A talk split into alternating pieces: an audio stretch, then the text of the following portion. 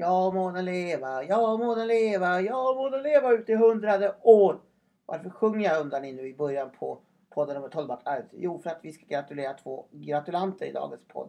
För det första är det podden själv, för om vi slår ihop båda, båda poddar. Aframsa, Management Sverige AB, podden Den åldersmedvetna podden och podd nummer 12 vart arvet så är det här podd nummer 30.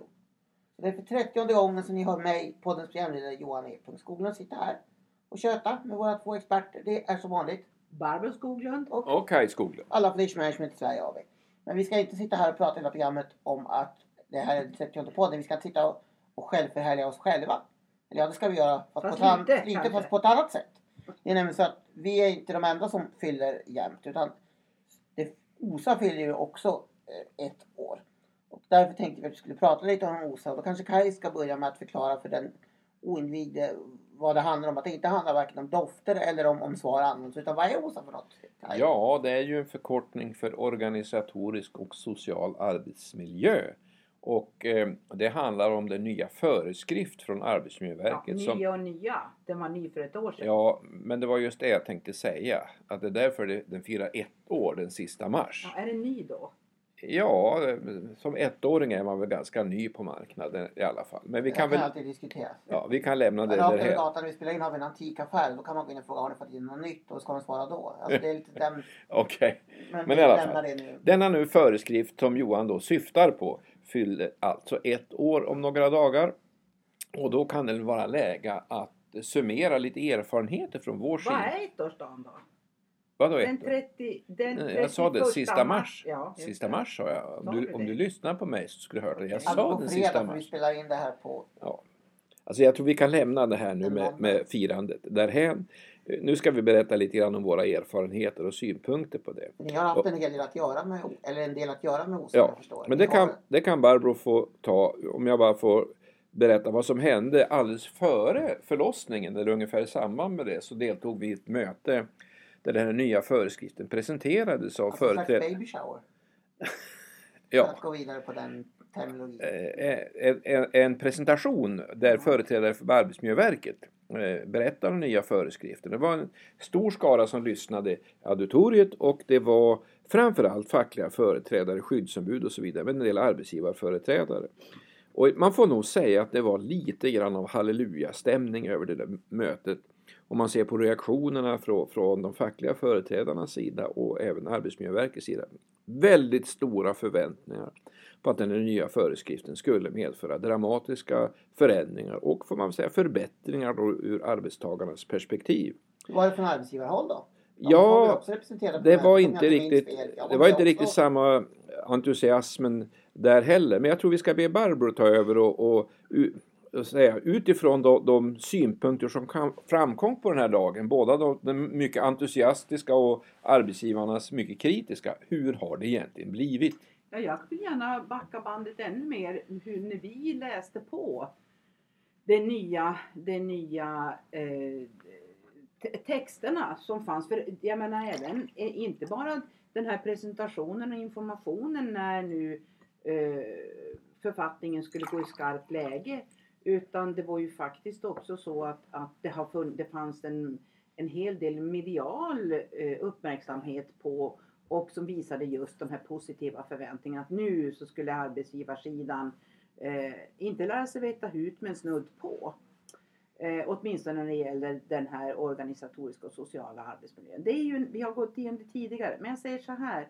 När vi läste den första gången och vi är ju, har ju lus, har lusläst och lusläser förordningstexter och författningar, skollagar, hälso och sjukvårdslag och så vidare och så vidare. Eh, så konstaterade vi ju att den är förhållandevis enkelt skriven. Den är dessutom så att den ställer krav på både arbetsgivare och arbetstagare. Den ger arbetsgivaren en stor makt att leda och fördela arbetet om man nu faktiskt ser och läser vad som står där. Men den ger också medarbetaren skyldighet och möjlighet att eh, faktiskt få hjälp att prioritera bort arbetsuppgifter när man känner sig pressad och ut, utifrån krav och, och de perspektiv som finns när det gäller den organisatoriska och sociala arbetsmiljön. Det som är intressant är ju att man får ta bort fokuset från individfrågan och ser organisationen som, som eh, så att säga den, den, inte den stora boven utan möjligheten att förändra förutsättningarna och, och verka för ett positivt arbetsmiljö. Du frågade om effekterna. Ja, alltså vi, ja, inför den här podden så ja, vi är nästan uppe i tio uppdrag nu där eh, det, dels den gamla SAMmen 2001 1 och den nya, eller vad vi ska kalla det för, den utvecklade organisatoriska och sociala arbetsmiljön 2015 4 finns med som grundläggande förutsättning. Och eh, ja, man kan väl säga så här att, att det är inte så där väldigt stor eh, kunskap eller kompetens kring den här för, författningens förutsättningar och möjligheter. Och eh, så det knallar väl på på något sätt som, som, som tidigare kan man säga. Däremot så, så kan man ju se av rapporter i media att antalet eh, an, anmälningar, så kallade 6XA-anmälningar, de har ju ökat. Ja. Så det är väl den effekt man möjligen kan se. Om de är kopplade till den här för- författningen eller om den är kopplad, det beror på vad en 6XA är kopplad till. Jo. Eh, den har ju funnits... Eller kopplat till en allmän, allmän, till en all, Ja, det- det beror på- allmän all, eh, användningsbenägenhet eller att vi har fått ett annat klimat i samhället. Det är svårt att säga. Ja, det- nej, det är ju sant. Det Men det beror ju också på lite grann vad, som, vad de fackliga organisationerna är missnöjda i. För jag menar 6XA är ju en, en slutåtgärd som, som man faktiskt kan, kan eh, man, man behöver ta. Eh, ja. Ja. Ehm, sen är det ju så också att, eh, nej, ja, det kan nog vara så att, eller jag, jag, jag gissar nu att den här ökade frekvensen är en kombination av faktorer. Dels att det uppmärksammas allt mer. Sjukskrivningstalen har inte gått ner, de fortsätter att gå upp och det härleds ju mycket till psykisk ohälsa framförallt åt kvinnor och välfärdsjobben. Eh, men det har förmodligen kanske också att göra med den nya föreskriften. Men egentligen den här nya föreskriften i sig är ju inte så nytt. Alltså i, i sak så, så det mesta och nästan allt av det som nu gäller gällde ju tidigare Innan. också fast det kanske inte var riktigt så tydligt upp, eh, den är mer pedagogiskt uppbyggd numera. Men, men som föreskrift betraktat är ju i sak innehållet inte så revolutionerande. Det, det som egentligen jag tycker är det som är det mest revolutionerande, det är två saker och det har jag sagt tidigare. Att efter varje eh, paragraf som är ganska enkel så, så finns det en, en, en anvisning och en reflektion och den låg sist tidigare. Alltså det Ja, som är råden. Ja, det som är råden kan man säga, Ja. eller för, ja, förslag.